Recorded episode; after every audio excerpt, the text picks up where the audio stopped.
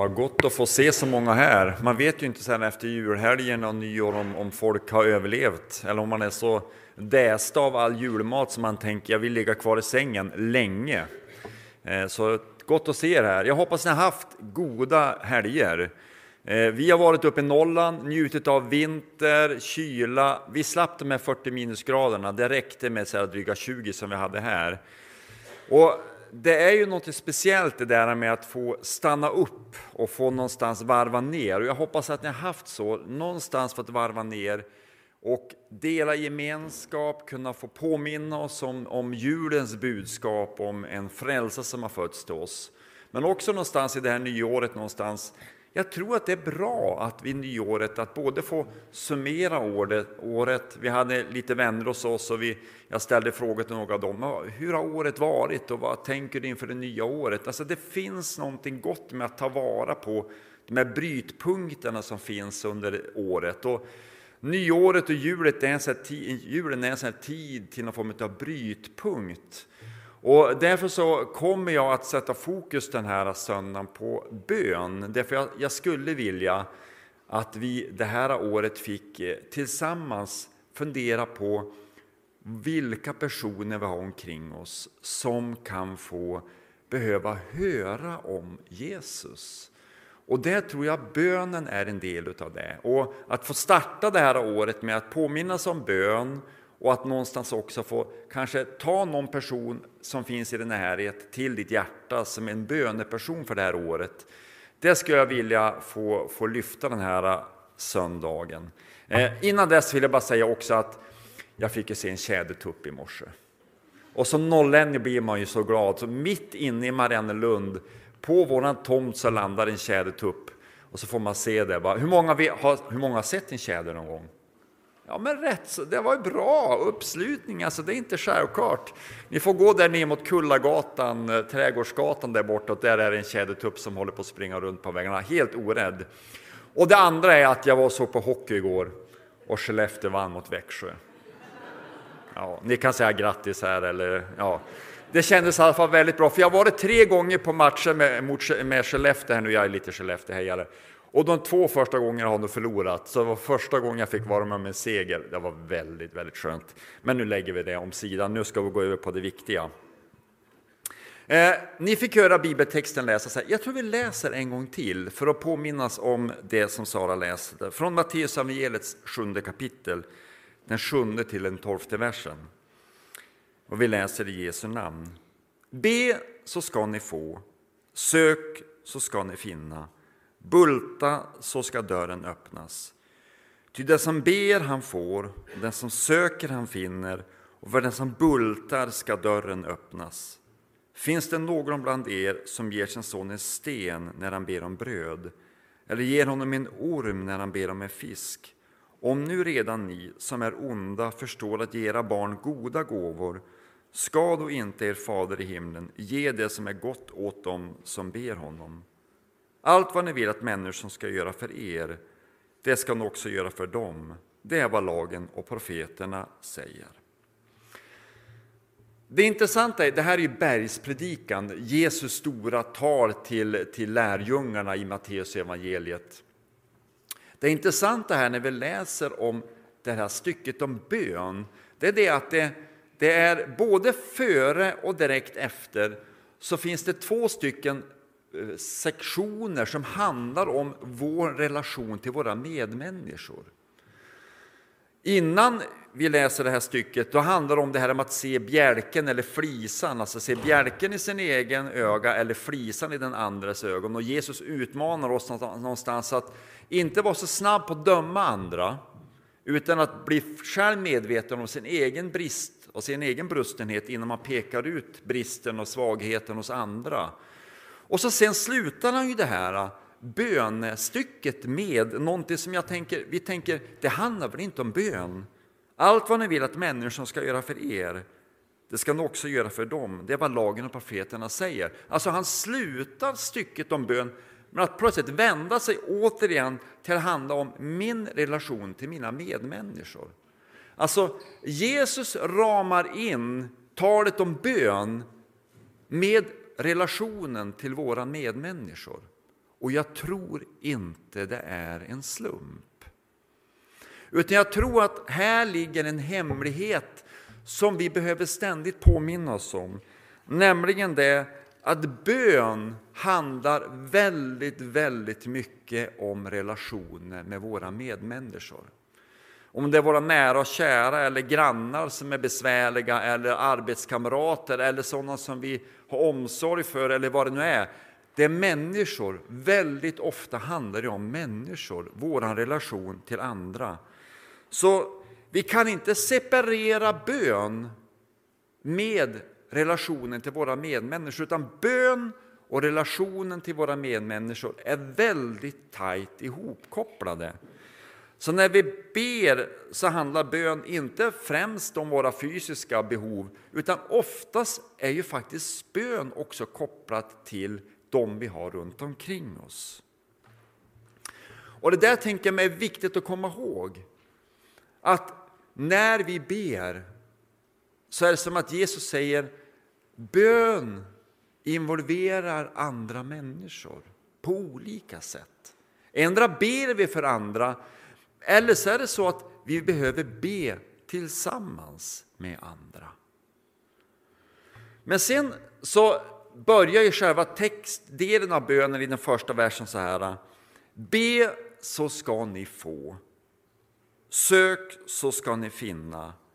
Bulta så ska dörren öppnas. Ty den som ber han får, den som söker han finner och för den som bultar ska dörren öppnas. Alltså ser ni att det är som en stegring som sker här? Först bara en allmän uppmuntran, be så ska ni få. Och så kommer det här sökandet på något vis, ni vet lite mera av, av arbete eller vilja, man söker efter någonting. Och så säger han, då ska du finna. Och så det sista, där, lite mer desperata bultandet. Och om du bultar så säger Jesus, då ska dörren öppnas. Alltså, är det inte så för många som kanske i alla fall som är lite äldre som har gått den här bönevägen att man, man inser att bön är någonting som är en process. Det är sällan som bönesvaret kommer direkt på en gång. Utan ofta är det som att det är en del, vi blir indragna, där bönen blir en del av en process som utmanar mig och drar mig närmare Gud. För varför är det så viktigt för Gud att vi ska be och söka honom ständigt? Han vet ju redan vad vi behöver. Alltså, å ena sidan är ju bön helt onödigt utifrån Guds perspektiv. Han vet vad vi vill, han känner våra tankar, han ser våra behov. Alltså, bön är ju på ett sätt helt meningslöst. Skulle man ju kunna tycka, om nu Gud är den han är. Och ändå säger Gud ständigt till oss och utmanar oss att vi ska be. Och inte bara någon gång då och då, utan ständigt be, söka, bulta. Alltså, bön handlar först och främst inte så mycket om att tala om vad vi tycker att Gud ska veta. Han vet det redan. Utan bön handlar ju djupast sett om relation. Alltså bön är inte en önskebrunn där vi slänger i alla våra önskningar och så ska Gud uppfylla våra önskningar. Utan bönen är Guds sätt att dra oss in i hans hjärta, bli delaktiga i hans längtan, i hans vilja. Och också utmana oss någonstans att bli en del av en process att be återkommande ständigt. Det finns den här stegringen i bönen som Jesus pekar på. Och jag tänker så här, är bön en förlorad förmåga eller konst i vårt samhälle idag? Speciellt den här bönen som handlar om att uthålligt be. Eh, vi vet ju vad alla undersökningar pekar på med det här nya sociala eh, mönstret med alla, alla sociala medier och alltihopa. Alltså att vi, vi har inte tålamod. Och alla lärare, om du frågar en lärare, om man, nu ska man inte fråga ungdomarna här för de kan ju tycka att de har världens bästa tålamod, men de, lärarna säger att tålamodet är inte detsamma idag hos ungdomarna som, som äldre. Man orkar inte, man vill ha svar på en gång, man vill ha det nu. Alltså tålamod, uthållighet, det är inte något som bara kommer av sig själv. Utan det är som att det här be, söka, bulta, uthålligt be, rikta sig, söka sig till Gud. Det riskerar att kunna bli en utrotningshotad egenskap hos mänskligheten och kristenheten. Men istället för att det ska bli något som vi ska fridlysa så behöver vi stärka det så att det inte är en fridlysning, något ovanligt, utan det jag skulle vilja och hoppas det är någonstans att det här med uthållighet i bön är någonting som ska få bli åter det självklara i det kristna livet. Att be återkommande om saker. Jag tänker på det, ibland har man hört de här berättelserna om, man brukar kalla för bönebarn. Ni kanske känner igen det där ordet. En mormor eller en farmor eller farfar eller morfar eller vad det nu är eller en förälder som ber för sitt barn eller barnbarn, ni vet år ut och år in. Man ber och man ber morgon och kväll och ber. Ni vet, speciellt om man hör de här berättelserna om kanske barn eller barnbarn som det har gått dåligt för, som har det svårt att kämpa på något vis, som har lämnat tron eller vad det nu kan vara. Och så föräldern eller mor och farföräldrar som ber uthålligt år efter år. Och det tycks som att man aldrig ser något bönesvar. Och ibland är det så. Bönesvaret kommer inte ens under den personens livstid. Och så plötsligt så hör man de här berättelserna om det här bönebarnet där livet vänds eller tron väcks igen och man hittar tillbaka till församlingsgemenskap eller vad det nu är. Alltså det finns någonting vackert och jag tror också en hemlighet i de här berättelserna som vi inte får glömma bort. Att uthålligt be, inte ge upp, utan bulta, fortsätta. Därför att det är någonting som händer, inte bara med Guds hjärta som vi tänker, utan främst kanske med vårt hjärta och med den personen eller det som vi ber för.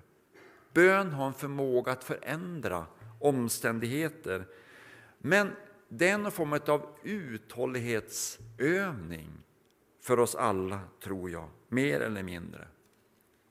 Och jag brukar tänka på ett, en, bibel, en bibelvers från Psalm 56, vers 9. Jag bad dem lägga in den här. Där psalmisten David ropar så här. Du har mätt upp min oro, samla mina tårar i din lägel. De är ju uppskrivna i din bok. David, psalmisten, det står ju inte att det är bön här, men jag tänker det, det David egentligen säger är så här att Gud, du har sett mina tårar, alla mina tårar som jag har gråtit genom alla år, i allt det som jag har kämpat med. Men ser ni hoppet som David ger uttryck för? Hoppet av att de här tårarna de har inte bara fallit på marken och försvunnit utan Gud har sett de här tårarna och samlat de här tårarna i en skål. Och jag tänker mig det är precis samma sak med bönen att våra böner, de faller inte till marken och bara försvinner i töcken, utan bönerna är som Davids tårar. De samlas i en skål, de försvinner inte i tomma intet, utan Gud ser dem, Gud hör dem. Och någonstans så fylls det på en skål utav våra böner. Och ibland behövs det många böner. Många fler böner än vad vi skulle vilja och önska. Kanske fler böner att det känns som att vi orkar be. I alla fall i vår egen ensamhet. Och därför behövs också den gemensamma bönen. Därför behöver vi också få dela våra bönämnen. Dela det som är vårt hjärta. Att andra ber med en. Att man inte är ensam i sin bön. För Jesus säger så tydligt i den här texten, han är ju extremt uppmuntrande när han säger så här, men om, om, du, om de ber om ett bröd så inte ger man väl en sten till den, man ger ju bröd. Alltså, det är, som så, det är så självklart i sitt sätt som Jesus kommunicerar. Alltså, ber ni så är det klart att jag vill besvara era böner. Men det finns ju en poäng här som man säger och det är ju det, klart ber vi om sten, alltså vad är det vi, vad är det vi ber om? Ber vi om det som är gott, det som är nyttigt, det som är bra? Alltså ber vi om bröd? Eller vad ber vi om? Så det finns ju också en utmaning i Jesu ord här någonstans, att reflektera över vad är det för typ av böner vi ber om? Är det böner som är stenhårt, dött, inte levande, eller är det böner som faktiskt är liv, som är näring, som är gott? Alltså böner som Gud helt enkelt kan besvara. Jag tänker, tack gode Gud att du inte besvarar alla böner. Hur skulle den här världen sett ut om Gud besvarade alla våra böner? Och ibland kanske har det hänt så för dig att du efterhand tänkte, hur kunde jag be den bönen? Ni behöver inte räcka upp handen om ni känner igen det. Men ni vet, så här bara, i min dumhet så bad jag så här, och tack gode Gud att du inte besvarade den bönen, för det hade inte blivit bra. Alltså ibland ber vi helt enkelt inte om goda saker i, vårt, i vår oförmåga. Men då tänker jag mig, det bönen gör, att jag tänker även sådana böner fyller en funktion.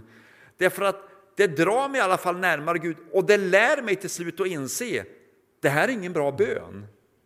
Alltså till och med dåliga böner kan ha ett gott slut. Därför att de, de dåliga bönerna förhoppningsvis gör att jag inser med tiden och lär mig någonting om att det här var sten, det här var inte bröd. Och då kanske man till nästa gång inser det här är, det här är, det här är ingen god bön. Ibland tänker jag mig så här att ibland hör jag böner som jag tänker det är bara böner emot saker och ting. Och jag tänker Gud, han är för saker och ting. Alltså, ni vet, man har en jobbig kollega eller det är en situation med en... Ni, ni, ni, ni kan ju se framför er själva, det vet det här, det här är bara, man blir vansinnig på det. Och man tycker det, så här, det här funkar inte. Gode Gud. Och ofta är det ju relationellt. Någon person som bara, det vet, det är kaos runt omkring, det är konflikter. Ni, ni kan ju räkna ut vad det är för någonting. Då är det frågan, hur ber jag i den situationen? Jag kommer ihåg en, en, en eh, bekant eh, från min ungdomstid som läste på universitet och hade en, en studiekamrat som var otroligt jobbig. Och hon var så frustrerad över den här personen och börja be för den här personen. Och om jag minns det rätt så var det så att de första bönerna var inte direkt positiva utan ungefär Gode Gud, se till att den här slutar. Amen. Ni vet, ens lösning på problemet är få bort problemet. Okay? Men någonting händer när hon ber. Så jag kommer ihåg hon berättade så här. Efter ett tag var det som att Gud visade mig på saker i den här människan, i den här studiekamratens liv. Och jag insåg att den här personen har det jobbigt. Den här personen ska inte jag be emot, utan jag ska be för den här personen. Den här behöver hjälp inte först och främst att försvinna från mitt liv, utan behöver hjälp att bli upprättad och få ordning på sitt liv. Och, ni vet, ibland ber vi böner som är inte för, utan emot. Och Gud är alltid för. Alltså vi kan ju be böner som är positiva även i en svår situation. Och så tänker jag mig någonstans att här utmanas våra liv Ber vi? Bultar vi? Söker vi? Eller är det tyst? Och den här, jag behöver inte gå längre än till mig själv i den frågan. En man som heter Andrew Murray, han var en helgelseförkunnare från Sydafrika och han, han fanns innan ska säga, innan pingströrelsen och hela den här väckelserörelsen till 1900-talet växte fram. Han trodde på bönens makt och jag, jag vet inte vilket sam jag läste det här, men så här sa han, han levde mellan 1828 och 1917, så det är ju några år sedan. Han sa så här, bönen är den kraft genom vilken det sker som annars inte skulle ha ägt rum. Bönen är den kraft genom vilket det sker som annars inte skulle ha ägt rum. Alltså, han förstod att bönen har en förmåga att bryta in i sammanhang och i situationer där vi inte kan prata det till oss eller bara fixa det, utan det är bara bön som kan nå fram. Och så är det, tror jag, inte minst när det handlar om andra människor. Ni vet, man kan ju försöka prata människor till rätta eller ge råd. Och det, ibland funkar det ju, men många gånger funkar det inte. Men ibland kan bönen vara vägen framåt. Alltså, ni vet, det är inte du som kan göra någonting åt den här människans liv. Det är Gud som kan göra det. Och att be för en person kan vara den vägen som gör att det här förändras för den. Att det händer någonting i människans liv och Gud kan få ett, en ingång i den och kan få tala in. För när Gud talar, då är det inte ett hot.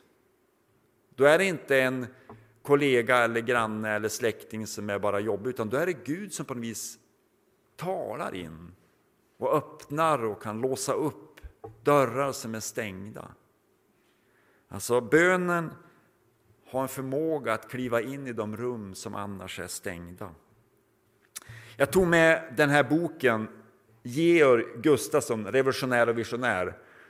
Eh, min svärfar Ivar Lundgren skrev den här eh, för många år sedan och nu har det kommit ut en ny, nygåva här, båda de här böckerna ihopslagna i en, en volym. Hur många har hört talas om Georg Gustafsson? Ja, nu ser jag en viss åldersskillnad här. Den här yngre generationen tittar bara undrande. Vem är Georg Gustafsson? Ja, och en del bara, ja honom. Och kanske har ni läst de här böckerna. Jag läste dem här långt innan jag träffade Ivar Lundgren. Eh, och Georg Gustafsson var ju en pastor i pingströrelsen som var bland annat i pingst i Jönköping i många år, men han var väl också i Norrköping och några andra ställen. Men han var, han var inte minst känd för att be för sjuka och för helande. Och jag vet att när, jag tror det står det också, när, när Georg Gustafsson hade gått bort och de gick igenom hans, hans papper och alltihopa så var det enorma mängder med brev han hade fått om bön. Och alla brev besvarade han. Och han bad för människor. Och den här boken innehåller så många berättelser om under och tecken som skedde som Georg fick vara med och bidra in i genom bön. Alltså ibland kan bön göra en sån stor skillnad att vi ibland tänker så här, varför ber vi inte mer? Om ändå bön kan göra så stor skillnad. Och ibland kan det vara det man kan tycka nästan är lite eh, små saker som strumpor som plötsligt kommer fram. Men det är, något, det är väl vad en sexåring behöver få. En bra början på att bli uppmuntrad i att bön gör skillnad. Och jag tänker så här att vi behöver bli uppmuntrade i att be.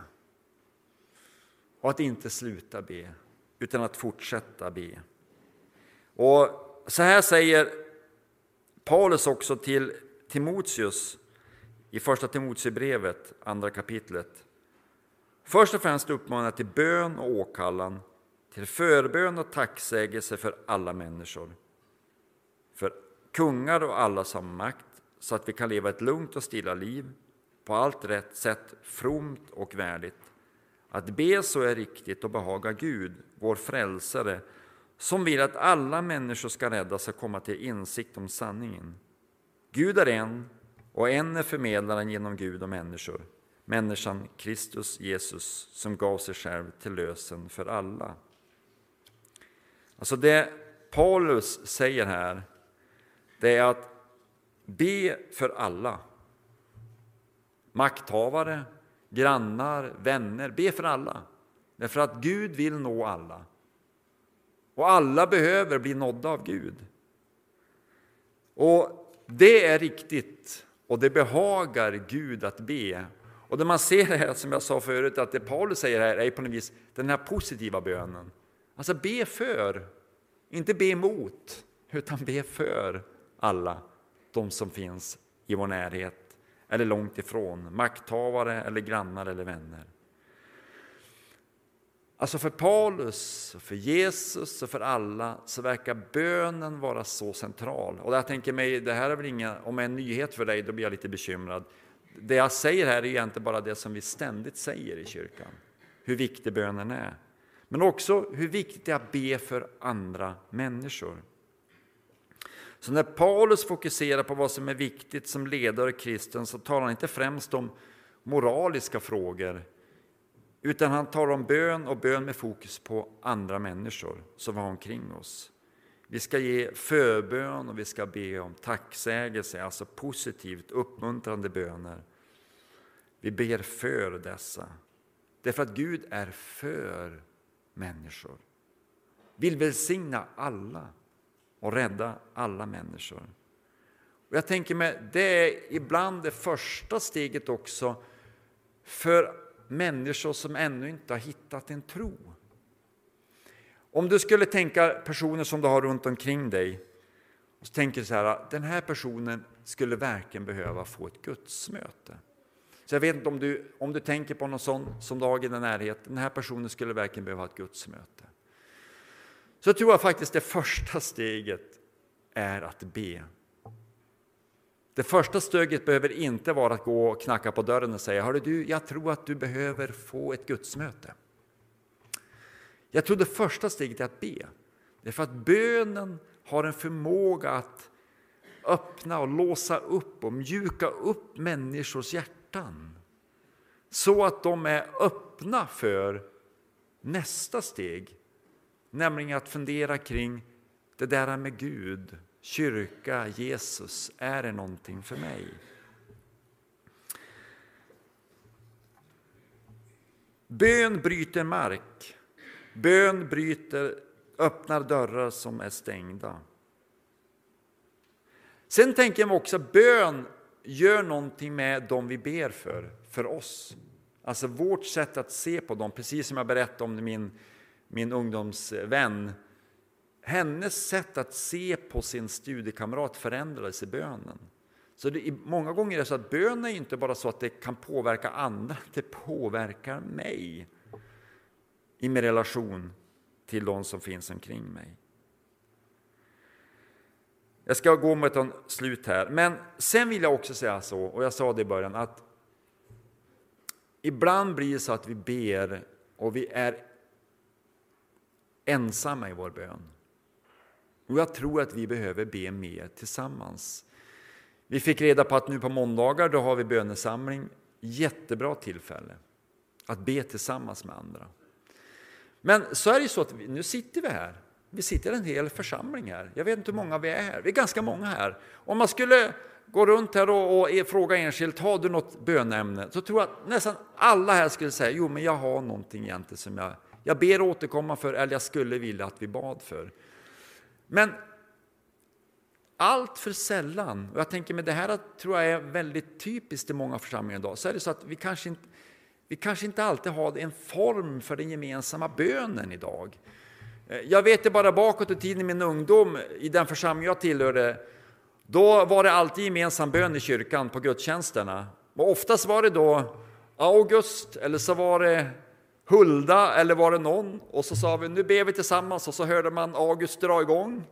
Och så var det en bön. Och den pågick väl i fem minuter och det var böner och det var såna ord och det var så fint och det var så vackert och så komplicerat. Så att jag tror att en del de fattade ingenting eller så var det så att det, var, det fanns inte utrymme för någon fler att be, be. Utan det var, det var August eller Hulda som han be och sen så var tiden slut. Känner ni igen det där? Jag minns en församling jag var i, det var en, en gammal missionär. Det var som att trycka på en knapp. Och det var innerliga, varma böner. Förstå mig rätt. Men det blev ingen annan som bad. Därför att först och främst var bönen så lång så att sen var tiden slut mer eller mindre. Och sen kanske det var så att man kände, en del kan, kunde känna lite, eh, ni vet den här känslan av att jag klarar inte av att be, för ska man lägga ribban på den där nivån, då kommer jag aldrig våga öppna munnen. Men ingen av er har väl känt så? Eller så känner vi alla så, mer eller mindre. Jag tänker mig att be tillsammans gör någonting. Och jag tror att vi också behöver hitta en form för det, en form som funkar. Och jag, ibland är det så att det är någon som tar över i bönen när man, när man släpper upp. Jag kommer i ett annat sammanhang så var det så här att ja, nej, vi vågar nog inte riktigt släppa upp för den gemensamma bönen, för vi har ju den personen, du vet, det kan spåra ur. Har ni varit med om de tillfällen? Ni vet, bönen tystnar i gudstjänsten därför att det är någon som inte förstår sammanhanget man är i. Alltså bönen i det offentliga är inte samma sak som bönen i det privata rummet. I det offentliga rummet ber man inte om vad som helst därför att man behöver ha respekt för sammanhanget. Förstå mig rätt. Alltså privata saker, man ber inte om, om sånt som man tänker det här, det här behöver inte alla, och alla ska inte höra det här. I så fall får man sålla i vad man säger i bönen. Utan man, man behöver inte berätta detaljerna, utan man, man ber bara så att alla känner att man kan vara med i bönen. Förstår ni vad jag är ute efter?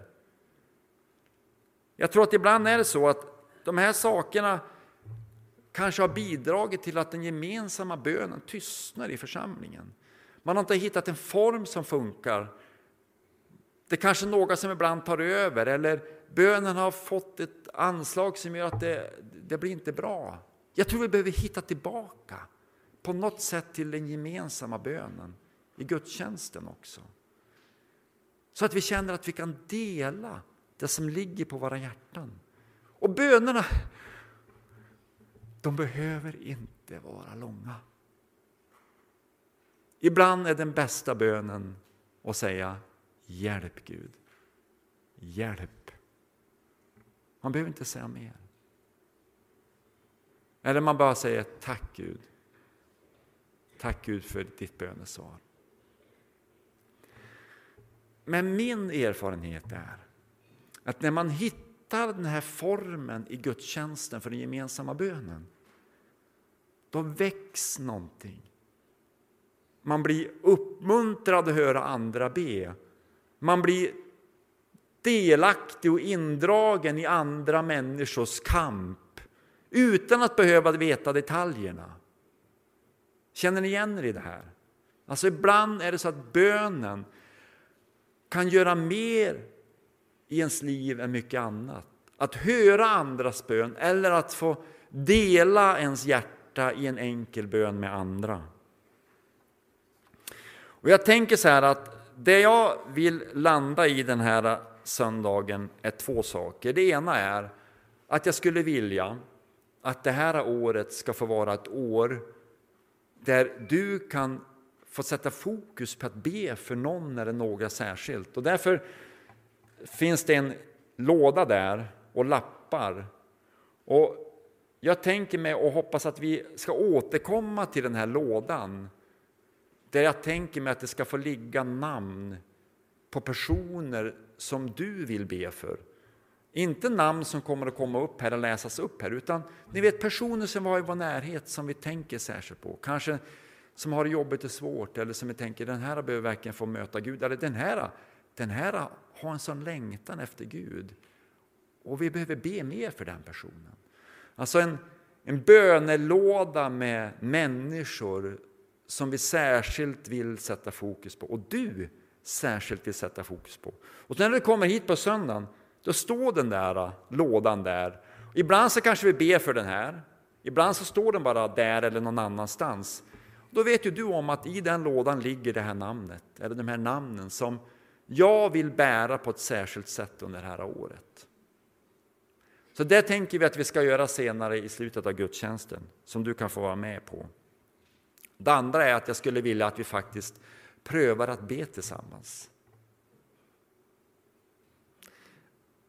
jag, jag kallar den här bönen för ammenbönen för att den innehåller många amen om vi är många som ber.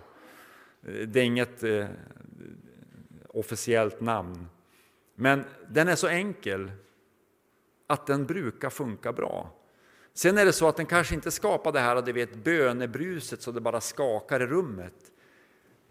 Men det gör att vi får alla möjlighet att be eller tacka och bli delaktiga i varandras hjärta, böner, tacksamhet. Och den är så enkel så att den brukar faktiskt funka ganska bra, även om det kräver en viss vana. Det funkar så här att du ber en kort bön, en mening eller så, eller om det inte är mer än så, bara ett ord. Men så avslutar det alltid med ett amen. Och sen när du har slutat med ett amen, då svarar hela församlingen med ett amen.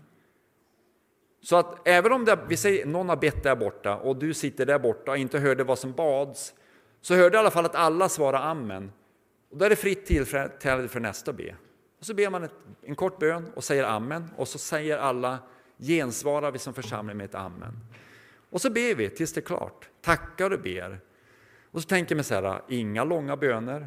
De här reglerna är följande, inga långa böner, inte något privat utlämnande, sålla vad du säger alltså.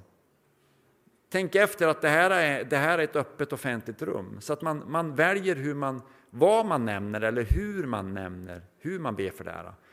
Och så få både bön och tacksägelse.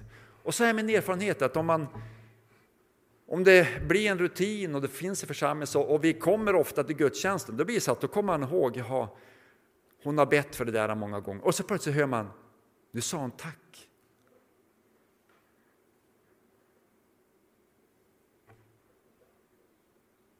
Nu har någonting hänt.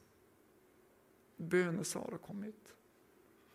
Jag tänker med bönelivet tillsammans gör någonting. Vi blir delaktiga och vi är inte ensamma, utan vi gör det tillsammans. Den enskilda bönen behövs, den gemensamma bönen behövs och det behöver inte vara komplicerat. Ska vi prova? Kommer ni ihåg nu?